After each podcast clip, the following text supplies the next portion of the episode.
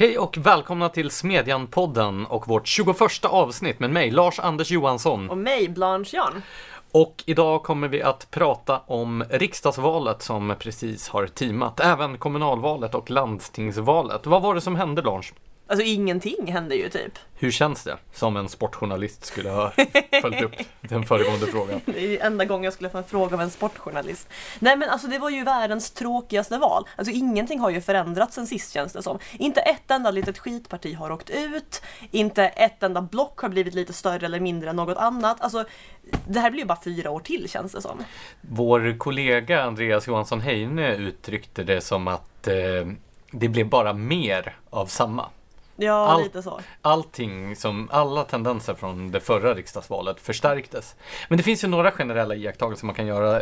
Sure. Till exempel så krympte ju Socialdemokraterna mindre än vad många hade trott.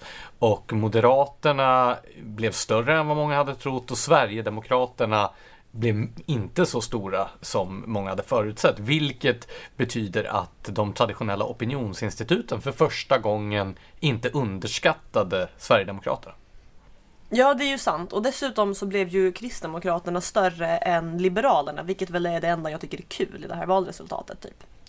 Men eh, innan vi börjar dissekera den här, de här frågorna så tänkte jag att vi kan börja på det. Man ska ju gräva där man står så att säga. Hur gick det i din valkrets där du bor Blanche? Ja, alltså jag lever ju nu med vetskapen att tre av tio av eh, de grannar, så här personer jag passerar på gatan, vill avskaffa min äganderätt. Och därutöver så vill ju majoriteten av dem som är kvar helt enkelt skita i den. Är det att både Socialdemokraterna och Vänsterpartiet har fått nästan 30 procent vardera. Så det känns ju eh, gött. Jag kommer att sätta ett tafsa inte-armband runt min plånbok och hoppas att det lämnar mig i fred. Du då? Ja, alltså jag blev ju också lite förvånad att, eh, att Socialdemokraterna gick framåt i mitt valdistrikt. Jag tänkte, vad hände med den här utlovade gentrifieringen egentligen?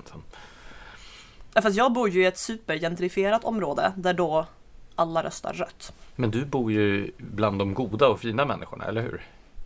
Ja, förutom då att jag vill avskaffa min äganderätt och den lilla detaljen, absolut.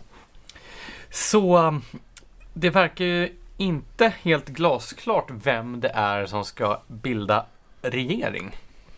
Nej, Stefan Löfven verkade ju vilja sitta kvar vid makten till skillnad från alla andra socialdemokrater någonsin. Så vad är egentligen skillnaden jämfört med det förra riksdagsvalet? Ja, alltså som sagt, är ju skillnaden inte jättestor. Det är väl helt enkelt det att Alliansen kanske har lärt sig en läxa med eh, det här med decemberöverenskommelsen och inte planerar att ingå någon ny, hoppas jag. Även Stefan Löfven tycks ju ha lärt sig en läxa, det vill säga att man bara för att man förlorar ett val inte behöver springa iväg mitt på valnatten och eh, lämna sitt eget block i kaos och förödelse. Fast hotade han inte med att göra en Reinfeldt? Vilket hot! Jo. Eh. Nej men det är ju väldigt problematiskt nu där man, alltså både Socialdemokraterna och Miljöpartiet naturligtvis, men också journalister och statsvetare och andra ställer då de så kallade blocken mot varandra och räknar då S, V och MP mot de fyra allianspartierna. det där är ju jätteskevt. Ja, eftersom Alliansen har ju gått till val som ett samlat regeringsalternativ medan S, V och MP har ju inte gått till val tillsammans. Inte ens då den sittande regeringen, det vill säga S och MP har ju gått till val som ett regeringsalternativ. Nej, och Men- även om man betraktar dem som ett regeringsalternativ så måste man ju fortfarande räkna bort vänstern som inte är ärligt talat rumsrena nog att ha i en regering och det vet ju sossarna. Precis. Sen finns det ju också en annan paradox i detta, inte minst i den socialdemokratiska retoriken. För å ena sidan så menar de att det finns en vänstermajoritet eftersom då eh, regeringspartierna plus vänstern har ett mandat mer än allianspartierna. Men samtidigt så påstår de ju att Sverigedemokraterna är ett högerparti. Och om Sverigedemokraterna är ett högerparti så borde ju också enligt den socialdemokratiska logiken högern vara då två tredjedelar jämfört med vänsterblocket som är en tredjedel. Ja, här bör vi för eh, eller våra lyssnares skull också tillägga att vi främst utgår ifrån eh, eh, rösträkningen på valnatten eftersom vi spelar in innan omräkningen har hunnit komma in. Ja, precis. Så att eh, detaljerna kan ju hinna förändras. Dessutom så pågår det ju någon slags standoff just nu mellan alla partierna med presskonferenser och utspel till höger och vänster som gör att eh, saker hinner ju förändras i realtid här. Ja, en annan grej apropå det här att alla partierna agerar på ett visst sätt. Fanns det något parti som inte utropade sig själv till vinnare på valnatten? Nej, jag tror faktiskt att precis alla betraktar, vi kan ju, vi kan ju gå igenom dem då. Eh, Socialdemokraterna, eh, de dansade ju och var lyckliga i direktsändning eftersom de då inte hade minskat så mycket som de hade befarat. Även om de då gjorde sitt sämsta val sedan den allmänna och lika rösträtten infördes. Det kan man också fira. Och Moderaterna, de gladdes ju på motsvarande sätt för att de inte minskade så mycket som opinionsmätningen hade givit vid handen. De flesta mätningar pekade väl på att de skulle få mellan 16 och 17 procent. Och nu Ja, fick de precis. 19 i, i det preliminära valresultatet. Så, och då naturligtvis så gladdes de åt att de eh, var det största regeringsalternativet. Det är klart, Centerpartiet gick ju upp i, eh, alltså i, jämfört med förra valet, så det kanske har en legitim orsak att fira ändå. Folkpartiet åkte in, Liberalerna, Liberalerna åkte inte ut. Du måste göra något åt din Tourettes Blanche. Jo, Ja, nej men, och det var ju skäl att fira. Miljöpartiet åkte inte ut. Eh, och vänstern gjorde ju sitt bästa val på väldigt länge. ja fast det där är ju också överdrivet i det att det bara plockat upp spillrorna från Fi. Sverigedemokraterna nådde ju inte då några av de saker som de påstod att de skulle nå. De blev ju varken största eller näst största parti. Eller kom över 20 procent. Eller kom över 20 procent. Men de eh, ökade ju ändå betydligt jämfört med det föregående riksdagsvalet. Så de anser sig ju också vara segrare. Och KD var ju uträknade hur lång tid som helst och spurtade upp till då enligt de preliminära siffrorna 6,4 procent. Det är ju en legitim orsak att skåla. Ja, man skulle väl kunna säga att de enda som egentligen var vinnare i det här valet var ju Kristdemokraterna. Ja, och Centern kanske ändå. Det har ju gått upp rejält. Jo, det är sant. Eh, Så, um, men alla fick medalj. Precis som Bamseloppet när man var liten. Precis. Vilken deprimerande tanke. Jag hatade det där loppen där man får liksom medaljer bara för att dyka upp och delta. Den var ju för sig ätlig. Så vad kommer det att hända nu? Ja, nu håller det ju på och eh, berätta för alla vem de inte tänker bilda regering med. Ja, det där är ju också intressant att det är viktigare än hur regeringen ska se ut. Ännu intressantare tycker jag är den här fixeringen just vid regeringsbildningen. Det är ju egentligen så att i vår parlamentariska demokrati så är det ju riksdagen som ska vara den högsta beslutande församlingen. Men på grund av partiernas maktfullkomlighet så har vi ju fått en situation där egentligen riksdagsgrupperna har kommit att fungera som ett slags transportkompani till den sittande regeringen istället för då de maktförhållanden som ska råda, nämligen att beslutsmakten ligger hos riksdagen. Så möjligen kan det här då som med socialdemokratisk retorik beskrivs som ett kaos i själva verket vara så att demokratin stärks och den parlamentariska makten stärks. Fast kaos är väl allting som inte innebär att Socialdemokraterna får bestämma. Precis som att allt som inte innebär att Socialdemokraterna får bestämma är odemokratiskt och ofta även nyliberalt. Ja, och att ta ansvar, det betyder ju med socialdemokratisk retorik att ett annat parti uppger sin egen politik och villkorslöst stödjer en socialdemokratisk regering. Låt oss hoppas på en oansvarig mandatperiod. Ja, eller hur? Där faktiskt de folkets valda representanter får genomslag. Det vore lite spännande. För eh, det sannolikaste är väl att den minoritetsregering som kommer att tillträda, för att det blir en minoritetsregering är ju ställt bortom de flesta tvivel. Det ska mycket till för att det ska bildas en regering med en majoritet av riksdagens ledamöter bakom sig. Jo. Eh, Den minoritetsregering som tillträder kommer väl antagligen att få stö- söka stöd bland hoppande majoriteter. Alltså det vill säga driva sin politik i sakfrågor och försöka vinna olika ledamöter från olika partiers förtroende för då sakpolitiken. Ja, och det där är ju egentligen ur ett demokratiskt perspektiv det önskvärda, kan jag tycka. Alltså, då får ju ehm, väljarna inflytande i proportion till hur stora partierna har blivit hyfsat bra. Det är ju så det ska funka egentligen.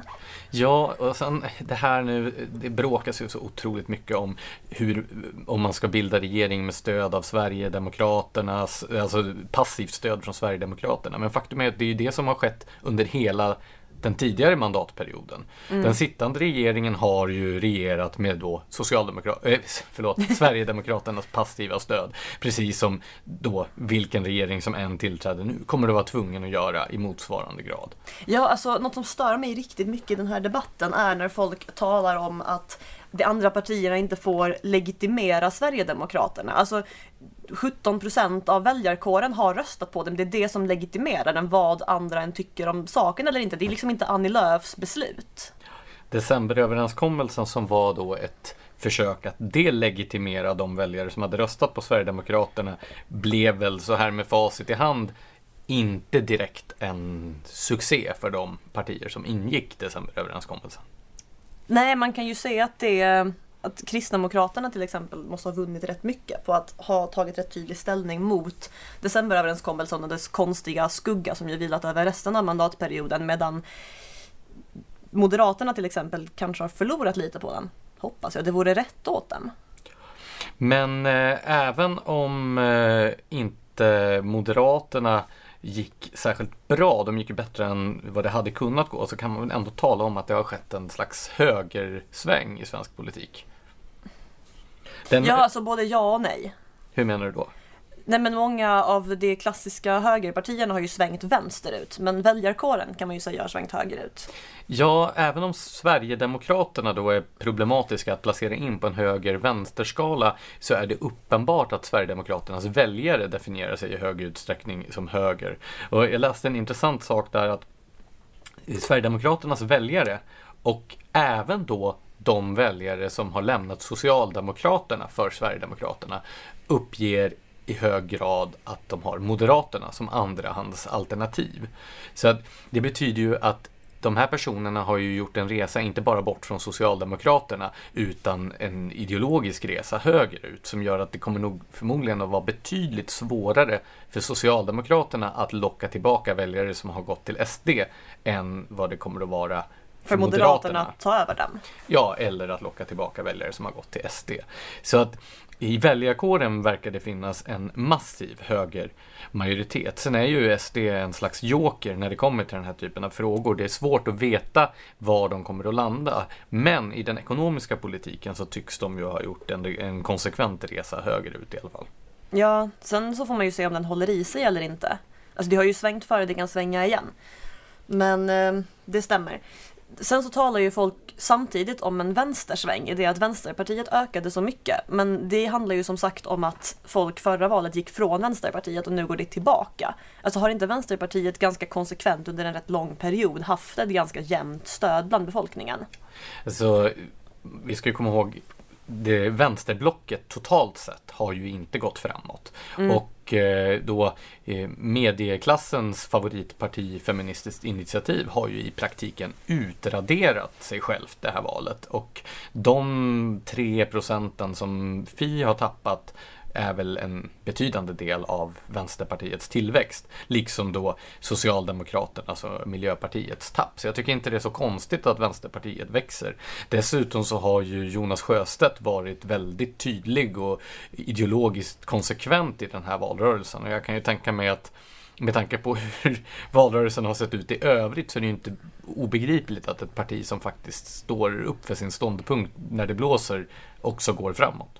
Det är sant och det är ju visserligen Vänsterpartiets ekonomiska politik i hög grad som Socialdemokraterna har drivit under den här mandatperioden. Men det får ju Socialdemokraterna klä skott för medan Jonas Sjöstedt kan liksom valsa vidare. Ja, Vänsterpartiet behöver ju all, de är ju i en mycket bekväm situation, särskilt när de då har utgjort ett slags regeringsunderlag men utan att behöva ta ansvar för den förda politiken. Miljöpartiet är ju då ett avskräckande exempel på hur det går när ett sånt här extremistparti lyfts in i regeringen och ska då försöka ta ansvar. De, har ju, de var ju nära att åka ur den här gången. Ja, Men Vänsterpartiet som har agerat stödben, de, de har ju bara profiterat på situationen. Ja, alltså Miljöpartiet har ju både misslyckats med att genomdriva den absoluta majoriteten av sin egen politik och ändå fått betydligt mycket mer strålkastare just att det fått ta ansvar för sin egna politik samtidigt. Så det är verkligen en dubbelförlust det partiet har gjort. En annan anmärkningsvärd sak som vi nämnde i början det är ju då Kristdemokraternas helt häpnadsväckande valspurt. Partiet var ju uträknat ur, eh, i, i mångas ögon och blev då större än vad Liberalerna blir. Vad tror du är de viktigaste orsakerna till att KD har, har gått så bra? Jag tror det är tre grejer. Dels så nämnde jag ju det här att Kristdemokraterna har stått betydligt fastare i sitt motstånd mot decemberöverenskommelsen. Det har visat mer intresse av att driva sin egen politik än de andra borgerliga partierna tillsammans. Och det tror jag har gjort skillnad. Sen så är det ju förstås Ebba-effekten. Hon är ju stenhård i debatter. Hon har gjort ett väldigt bra intryck och dels Herregud vad var det tredje? Jag hatar när jag gör så här att jag säger en siffra och sen kommer jag inte ihåg den sista. Um, vad tror du den kan ha varit? Alltså, Ebba Busch Thor är ju den enda av Alliansens partiledare som eh, inte var framträdande när decemberöverenskommelsen ingicks. Visserligen var ju Ulf Kristersson inte partiledare då, men han var ju ändå en mm, toppperson i partiet. Han var ju minister i den förra regeringen och så vidare. Medan eh, Ebba Busch lite då kan uppfattas som att hon har kommit in utifrån efter detta. Ja men inte bara det, hon har ju också försökt lägga en egen budget, eller en, förlåt, en gemensam alliansbudget medan de andra har vägrat. Jag kom på den tredje grejen nu. Jag tror helt enkelt handlar om just den här högersvängen. Alltså Kristdemokraterna har ju gjort en högersväng som jag tror till slut har paid off helt enkelt. Kristdemokraternas problem har ju varit att majoriteten av de partiaktiva har förutsett en linje som inte då motsvaras av majoriteten och deras potentiella väljare. Deras starka koppling till frikyrkorörelsen och och eh, en slags, ja, i brist på bättre ord ska man väl nästan beskriva det som ett slags vänsterlinje i vissa politiska frågor har ju inte motsvarat vad Kristdemokraternas väljare har efterfrågat och kanske är det så att under Ebba Busch Thor så har eh, man drivit en politik som har legat närmare Kristdemokraternas väljare och att det betalar sig nu också. Sen tror jag också det som du säger att hon har varit så pass hård i debatterna nu på slutet har gjort att många Eh, besvikna moderater som röstat för att straffa Moderaterna. Som, det är väldigt många som är bittra, inte minst moderata kärnväljare, att de har gått till KD istället för att eh, då eh, proteströsta på Sverigedemokraterna eller eh, gå, slänga bort sin röst på något obskyrt småparti. Ja, alltså jag vill minnas att det var Gunnar Strömmer som kom med någon kommentar, alltså Moderaternas partisekreterare, som kom med någon kommentar om att många har ju stödröstat på Kristdemokraterna. Men jag tror faktiskt inte det är en särskilt stor del av förklaringen, utan jag tror, alltså jag tror att det som röstat på KD i hög grad har gjort det för att de faktiskt gillar Kristdemokraterna bäst. Alltså faktum är att jag känner en person som tänkte rösta på Kristdemokraterna för att hon föredrar dem och sen så slutade med att hon stödröstade på Moderaterna. Så så här, tiderna har verkligen förändrats. Så du menar att kristdemokrater stödröstar på Moderaterna numera? En gör det. Och det är lite kul. Det var ju en väldigt anekdotisk bevisföring. Men låt oss fortsätta med anekdotisk eh, bevisföring genom att titta på hur det har sett ut runt om i landet. På, på olika håll, i kommuner och regioner. Har du några intressanta exempel där? Ja, alltså som skåning så behöver jag ju lyfta Malmö förstås. Det här är ju socialdemokratins högborg, eller i alla fall en av deras allra största. Alltså, jättemånga framträdande socialdemokrater har kommit därifrån. Ja, och deras... socialdemokratin som sådan kommer ju därifrån till och med. Ja, alltså den är ju så inbäddad i Malmö att det inte är klokt. Eh, och nu är SD tillsammans med Alliansen större eh, än dem i Malmö. Eh, alltså en icke-socialistisk majoritet eller vad man vill kalla det. Det är ju både ett helt alltså, chockande valresultat och ett jättekul valresultat. Men det ser fortfarande ut som att Socialdemokraterna kommer att fortsätta styra, eller? Nej men det gör det alltid. Det är Malmö. Vi vill återigen varna våra lyssnare för att vi inte kan ta ansvar för saker som inträffat efter att det här poddavsnittet spelas in. alltså vi vill inte ta ansvar för något som har inträffat dessförinnan heller. Vi tar inte ansvar, vi tar avstånd.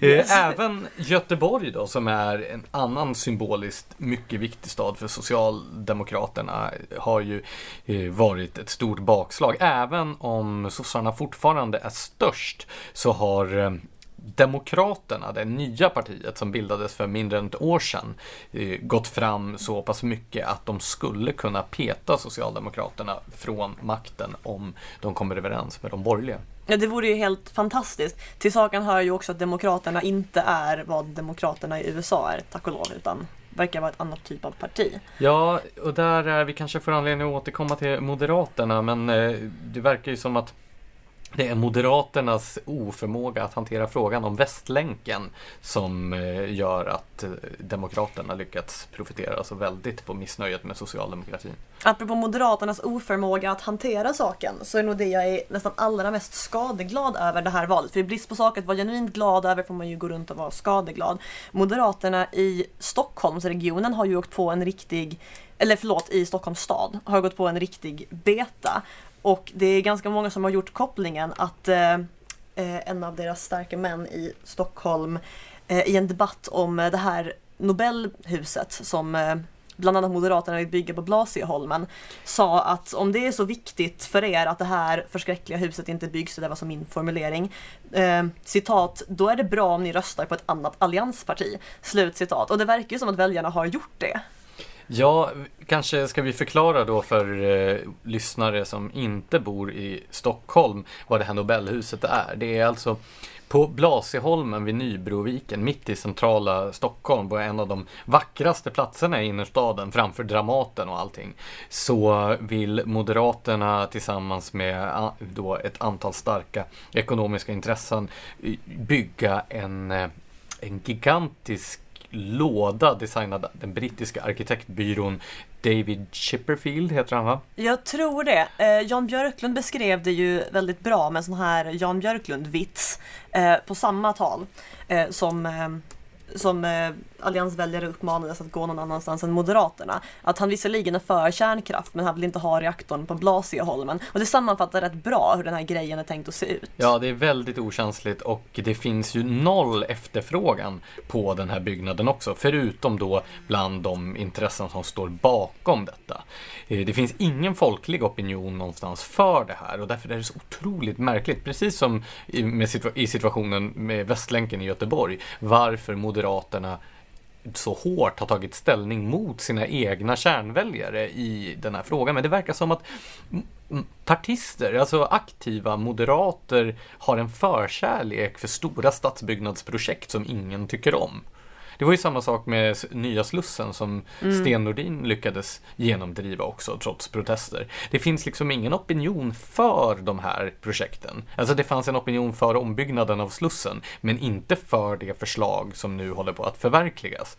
Och så är det ju här med Nobelhuset också. Fast där tror jag ju inte att det finns någon stark opinion för ett Nobelhus överhuvudtaget. Nej men det är ett magnifikt exempel på att man skjuter sig själv i foten. Ja, och det är obegripligt varför man gör så här gång på gång. Det är ju som att man verkligen inte vill ha sina egna väljare. Ja, alltså om någon av våra lyssnare där ute har någon förklaring till det här fenomenet får ni höra av er, för vi är verkligen helt... Ja. Ja, när vi ändå pratar om Moderaterna så kan vi notera att i Nacka som ju på många sätt har varit ett moderat skyltfönster för världen, så har Moderaterna gjort sitt sämsta val sedan 1976. Och det här är ju anmärkningsvärt. Alltså, det betyder ju inte att de inte fortsätter att styra kommunen, men det betyder att de tappar en massa mandat och helt plötsligt måste ta, ta hänsyn till sina eh, medallianspartier. Hatar när det händer! Men eh, det är ändå intressant, för det går jätte, jättebra för Nacka. Eh, Dagens Samhälle utnämnde Nacka kommun till årets superkommun, där de då har ställt upp jättemånga olika kriterier där de har rankat alla Sveriges kommuner och sammantaget så kom de fram till att Nacka var den bästa kommunen eh, att leva i i Sverige. Och Moderaterna har ju då som sagt styrt den här kommunen sedan 1976 som ett slags, eller jag vet inte om man har styrt man, man kanske har styrt det ännu längre, men det här var i alla fall sämsta valresultatet sedan 1976. Man har styrt det som ett väloljat maskineri och då tydligen levererat resultat och ändå straffas man av väljarna.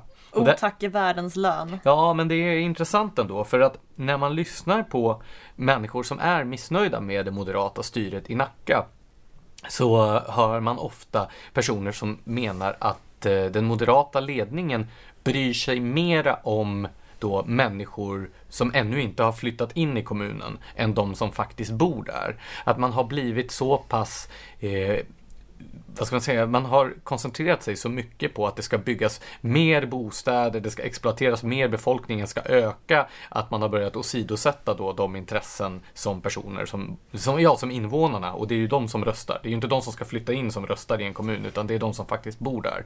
Att man har väckt ett missnöje. Till exempel då när man ska exploatera de få kvarvarande grönområdena i centrala Nacka till exempel.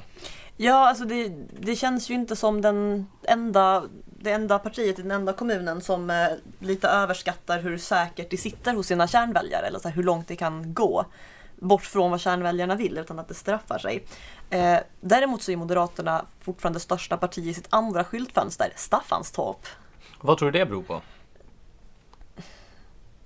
Alltså Staffanstorp jag tror det är mycket så här traditionen. Moderaterna sköter Staffanstorp bra, det är en kommun som går bra, folk är nöjda där. Det fortsätter rösta på Moderaterna. Sen är ju, eh, alltså Sverigedemokraterna är ju stora där, som i övriga Skåne liksom. Men inte störst, som i övriga Skåne. Men eh, när vi ändå är där nere i eh, de eh, perifera södra regionerna. Eh, Landskrona har ju blivit ett Eh, liberalt skyltfönster, eller folkpartistiskt eh, skyltfönster. Och till skillnad från riksnivån då, där Liberalerna under Jan Björklunds egid har successivt i ett långsamt tempo utraderat sig själva. Eh, de har ju minskat varje val sedan urminnes tider höll jag på att säga, men åtminstone varje val sedan Björklund tillträdde. Och man har också lyckats med konststycket att marginalisera SD som med skånska mått mätt då eh, är pyttesmå med bara 19,3 procent. Ja, alltså det är knappt ens en ökning sedan förra valet medan Liberalerna ligger på 34,5 procent. Ja, vilket ska jämföras då med eh, deras riksdagsvalresultat på 5,5 procent. Vad är det då som skiljer Liberalerna i Landskrona från Liberalerna i riksdagen? Alltså det har ju haft en annan strategi mot SD på lokal nivå, nämligen att eh, alltså jag vill minnas att det är Liberalerna och Miljöpartiet och det är ett parti till. Kan det vara Moderaterna? Jag vet i alla fall att det är Liberalerna och Miljöpartiet som styr. Det är styr. du som är skåning. Jo, men jag kommer väl inte från Landskrona, bara från grannkommunen. Eh, nej, men i alla fall, det har ju eh, snackat med Sverigedemokraterna eh, och släppt in dem i värmen lite. Och eh, det verkar som att åtminstone i Landskrona så har det lyckats flytta en del missnöjesröster från Sverigedemokraterna. För nu kan ju folk i Landskrona just inte hävda att nej men de andra vill inte ens prata med dem och då Alltså det finns ju vissa som har det här eh, argumentet att de röstar av rent demokratiska skäl för att minsann få göra den rösten hörd också. Det funkar ju inte längre i Landskrona. Sen så vet jag inte om det här skulle funka lika bra på en nationell nivå i det att kommunpolitiker ju dels alltså flyger mer under radarn helt enkelt medialt eh, och dels att eh, alltså det, partier kan ju se väldigt annorlunda ut på en kommunnivå jämfört med på den nationella nivån. Alltså det handlar ju om personkemi, det handlar om att enskilda kommunpolitiker kanske åtnjuter jättemycket förtroende. Medan deras partiledare inte har något alls. Men finns det någonting då som Liberalerna på riksnivån skulle kunna lära från partikamraterna nere i, i Landskrona? Det är en bra fråga. Alltså, det är ju svårt att ta Landskrona och applicera det på hela Sverige och det finns ju tecken som pekar både på att eh, partier som Sverigedemokraterna vinner på att få inflytande och som pekar på att det förlorar när det får inflytande. Det enda sättet att få reda på hur det skulle bli i praktiken är ju att testa och det vet jag inte om man vill. Så att Det finns ju, om vi då går från allra sydligaste Sverige upp till allra nordligaste Sverige så finns det ju en del intressanta tendenser också uppe i norr. Och det handlar framförallt om Socialdemokraternas tydliga tillbakagång i det röda Norrland.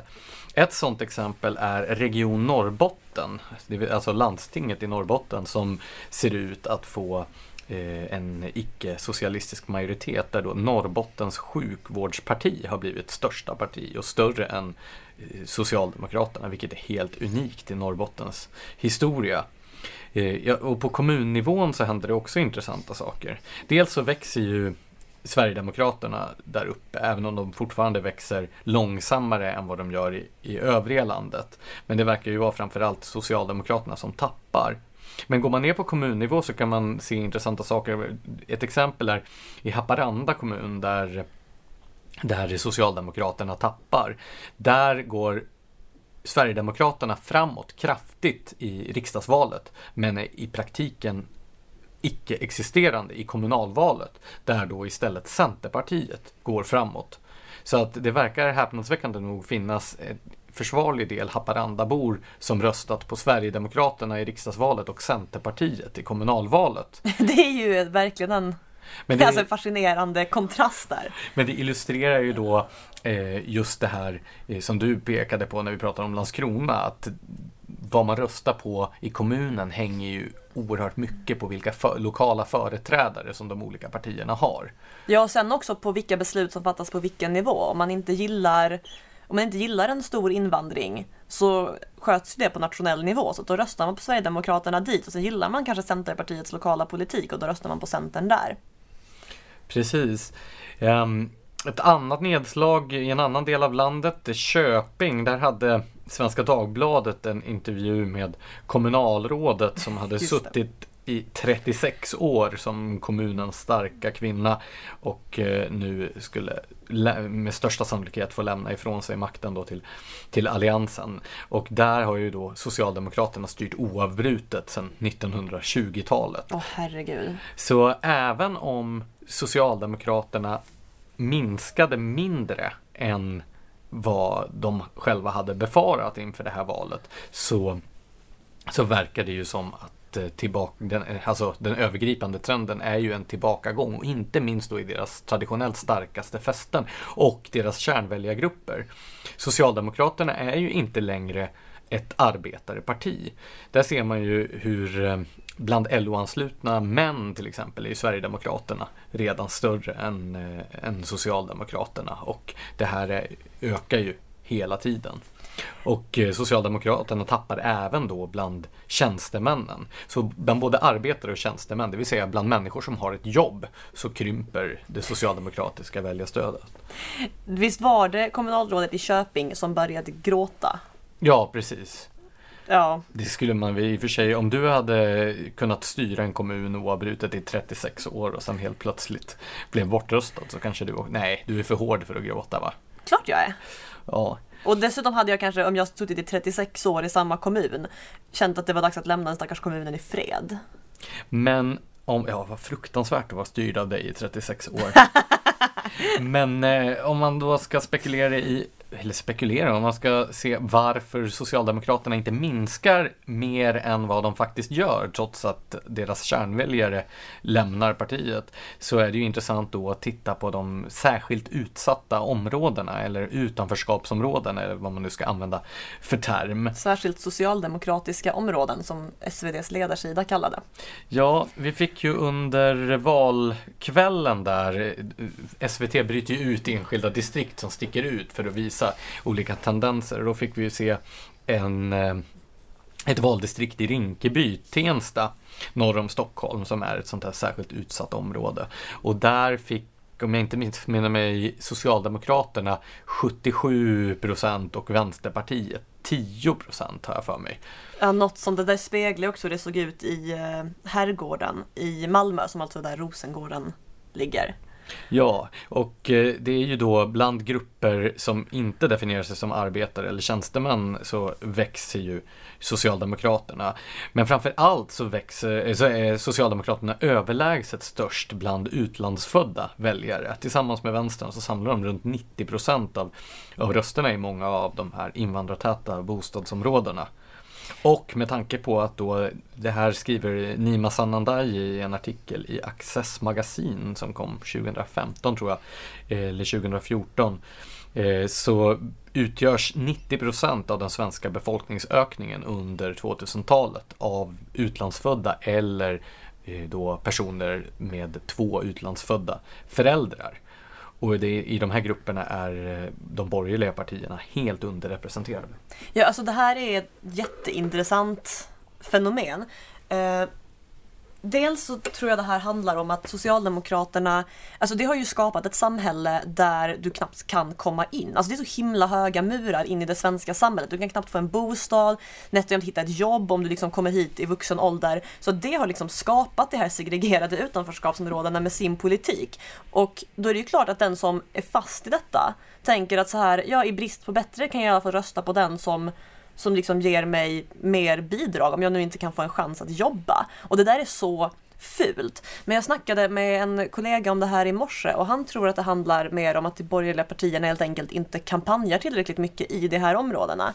Vad tror du? Men hur stor roll spelar valkampanjerna egentligen? Alltså jag tror inte det spelar någon stor roll. Alltså de flesta bestämmer väl sig inte för att de träffat någon i en valstuga utan för att de tittar på TV, gör en valkompass, känner efter, går på sitt klimatångest, I don't know. Men det kan ändå vara värt för de borgerliga partierna att göra ett försök. För som Nima skriver i den där artikeln från 2014 eller 2015 så kommer det, om båda de här trenderna fortsätter, det vill säga både den demografiska utvecklingen där nästan hela befolkningsökningen utgörs av utlandsfödda eller barn till utlandsfödda och då de borgerliga partiernas eh, då min, minimala genomslag hos de här väljargrupperna. Fortsätter båda de två tendenserna så kommer det inom överskådlig tid att bli en matematisk omöjlighet med en borgerlig regering. Ja, och till att börja med så måste jag även tillägga att om det nu är så att det bara är vänsterpartier som kampanjar ute i de här områdena och inte borgerliga partier, då är det ju klart att det ser ut som att de borgerliga partierna inte bryr sig om de här områdena. Och det är klart att det får en påverkan. Men det blir ju också en stor utmaning för Socialdemokraterna utifrån precis de här mekanismerna som du beskriver. Det blir ju en jätteskev incitamentstruktur, både för då de väljare som röstar på en politik som så att säga upprätthåller ett utanförskap, det vill säga ett system där det är eh, lönsammare att leva på försörjningsstöd än att arbeta. Eh, och för då, då partier som är beroende av väljargrupper som resonerar på det sättet eftersom det kommer att göra att partiet kommer att driva en politik som upprätthåller utanförskap istället för att hjälpa människor ut ur det. Ja, alltså det, det är en så skev incitamentstruktur och det får obehagliga implikationer. Alltså det skapar ju verkligen ingen anledning för Socialdemokraterna att sluta hålla människor i utanförskap. Ska vi eh, fortsätta då tala lite om eventuell regeringsbildning. Du eh, har ju varit inne på det här med utnämning av specifika ministrar redan för att gå händelserna i förväg. Eh, ja, alltså. Det är särskilt en ministerpost som ligger dig varmt om hjärtat, eller hur? Ja, det är ju min ministerpost.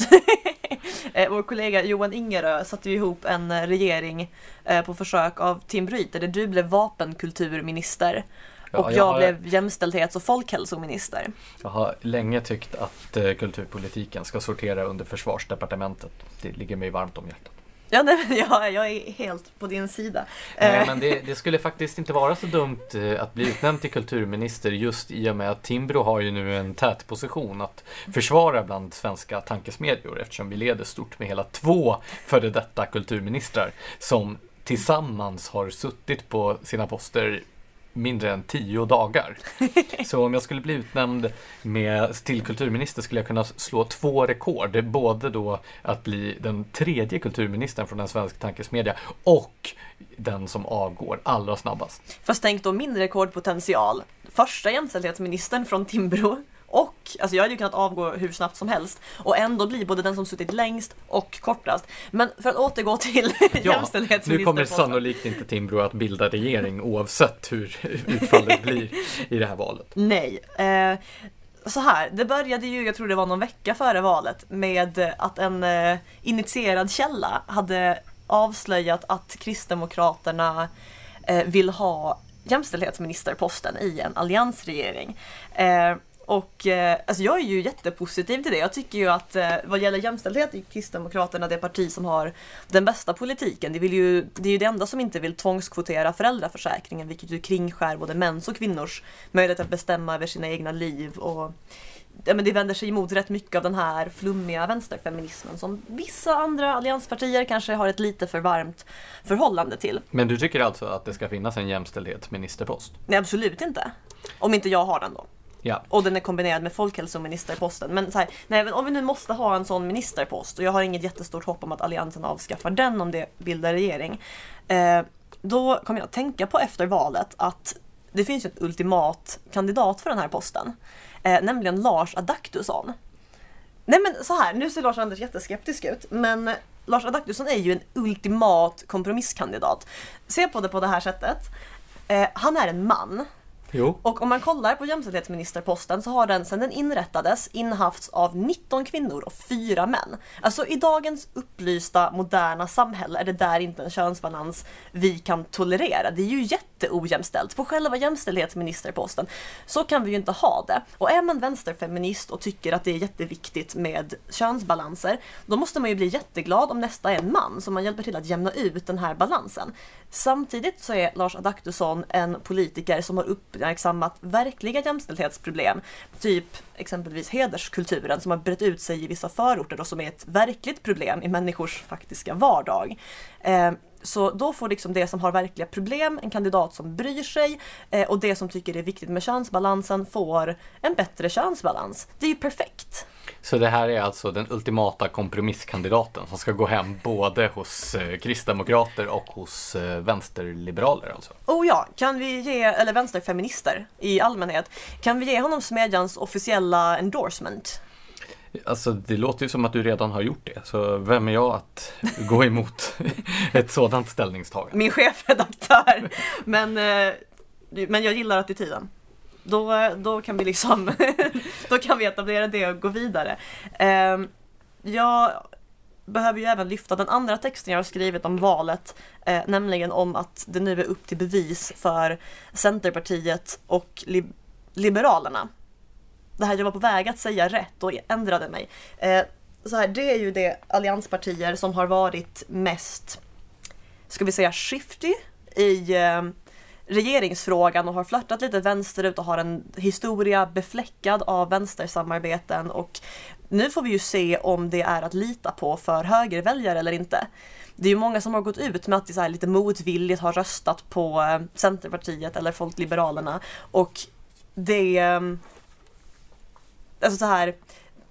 Nu får vi ju se om det har visat sig vara stödröster till Socialdemokraterna eller inte. Det kan bli lite Men tror du verkligen att det finns en risk att C eller L splittrar alliansen? Definitivt. Är inte det här bara spel för gallerierna? Fast så här, det har gjort det förut. Det här är partier som tidigare har svikit högern för att stödja Socialdemokraterna. Och visst, det var ett tag sedan nu för bägge.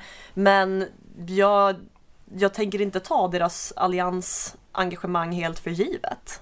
Men eh, även om båda partierna har varit väldigt tydliga med att de inte kan tänka sig någon som helst form av samarbete eller beroende med Sverigedemokraterna så är väl ändå markeringarna mot Vänsterpartiet ändå tillräckligt starka för att ett sådant regeringssamarbete skulle vara en omöjlighet. Ja, men om man klipper bort Vänsterpartiet och sen är det också Alltså så här, om ett parti gör en sak och säger en annan ska man kolla på vad den gör. Alltså Ja. det, där har ju under den gångna mandatperioden både, eh, både folk, herregud, både Liberalerna och Centerpartiet flera gånger hjälpt Socialdemokraterna istället för Alliansen. Det är ju ett tecken på någonting. Ja, jag vet ett antal personer som nog skulle bli hemskt besvikna om de fick reda på att deras röster på Liberalerna eller Centerpartiet i själva verket var röster på Stefan Löfven som statsminister. Ja, fast å andra sidan var det ju vad som hände med alla center och liberalväljare förra valet. Och moderatväljare och så vidare. Men eh, hur som helst, det är upp till bevis för Centerpartiet och eh, Liberalerna nu. Det ska bli intressant att se var det landar. Du har ju också skrivit en kommentar till valet om att den egentliga vinnaren är högskattestaten. Ja, det här är ju en text som egentligen skulle kunna publiceras varje val sedan 1900. 1959. Jag trodde du skulle säga varje dag. Ja, det också. Nej, men det är väl en lakonisk betraktelse över det faktum att oavsett vem som bildar regering efter valet nu så är det skattebetalarna som är förlorarna. För ehm, det som vi har sett under hela efterkrigstiden och framförallt då från slutet av 50-talet är en successiv ökning av det totala skattetrycket som inte kompenseras av de sänkningar som har skett under borgerliga regeringar och som absolut inte motsvaras heller av leveransen från offentlig sektor. Under den period när Sverige har haft världens högsta eller näst högsta skattetryck så har vi inte levererat världens bästa sjukvård, världens bästa skola och framförallt då om vi tittar på statens hårda kärna i form av försvarsmakt och upprätthållande av lag och ordning så får vi ju en katastrofal leverans för detta. Likväl så är skattetrycket fortfarande på en jättehög nivå. Under alliansens åtta år vid makten så sänktes skattetrycket till motsvarande vad det var när Olof Palme var statsminister. Ja, det här sågs som en gigantisk framgång att vi hade fått ner skattetrycket till Olof Palmes nivåer. Alltså, det är inte tillräckligt. Det är så här okej, möjligen om man sa stolt men inte nöjd. Men alltså det är ju netto jämt någonting att vara stolt över. Man måste ju gå mycket, mycket längre. Ja, det visar ju på hur, i vilken omfattning som de borgerliga partierna har internaliserat socialdemokratins samhällssyn. Där man betraktar den här högskattestaten som någonting helt normalt.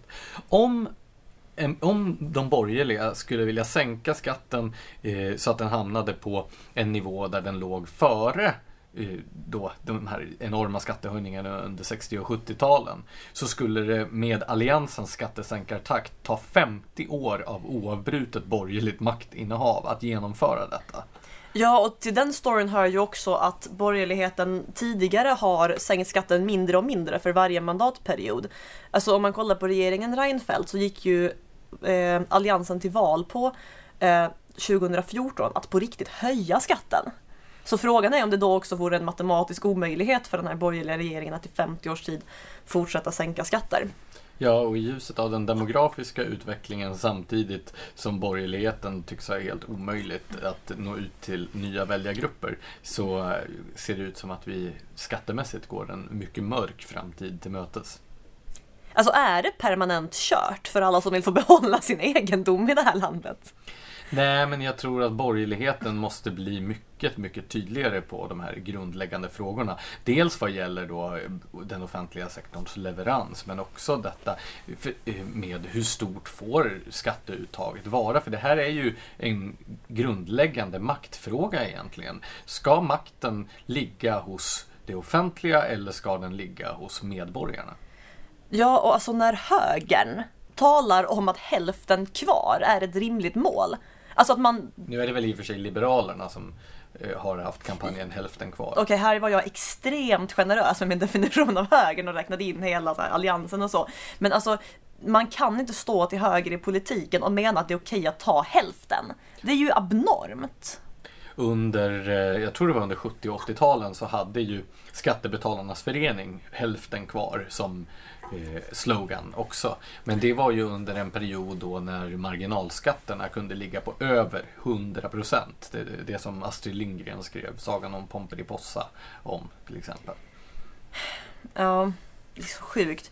Eh, I den här nämnda Timbro-regeringen så hade ju eh, Johan Ingerö utsett eh, vår chefs, Timbros chefsekonom Jakob Lundberg till skattesänkarminister. Det där är ju en ministerpost som vi borde lyfta upp, kanske som ersättare till jämställdhetsministerposten. Here, here. Det kommer ju att finnas mycket att säga om eh, konsekvenserna av det teamade riksdagsvalet. Så vi kommer att få anledning att återkomma till detta. Och nästa vecka så har vår kollega Johan Ingerö lovat att komma och bistå oss i analyserna av de turer som har hunnit utspela sig mellan det här avsnittet och nästa veckas avsnitt. Så där har ni något att se fram emot. Precis, vi hörs nästa vecka. Tack för att ni har lyssnat. Hej då!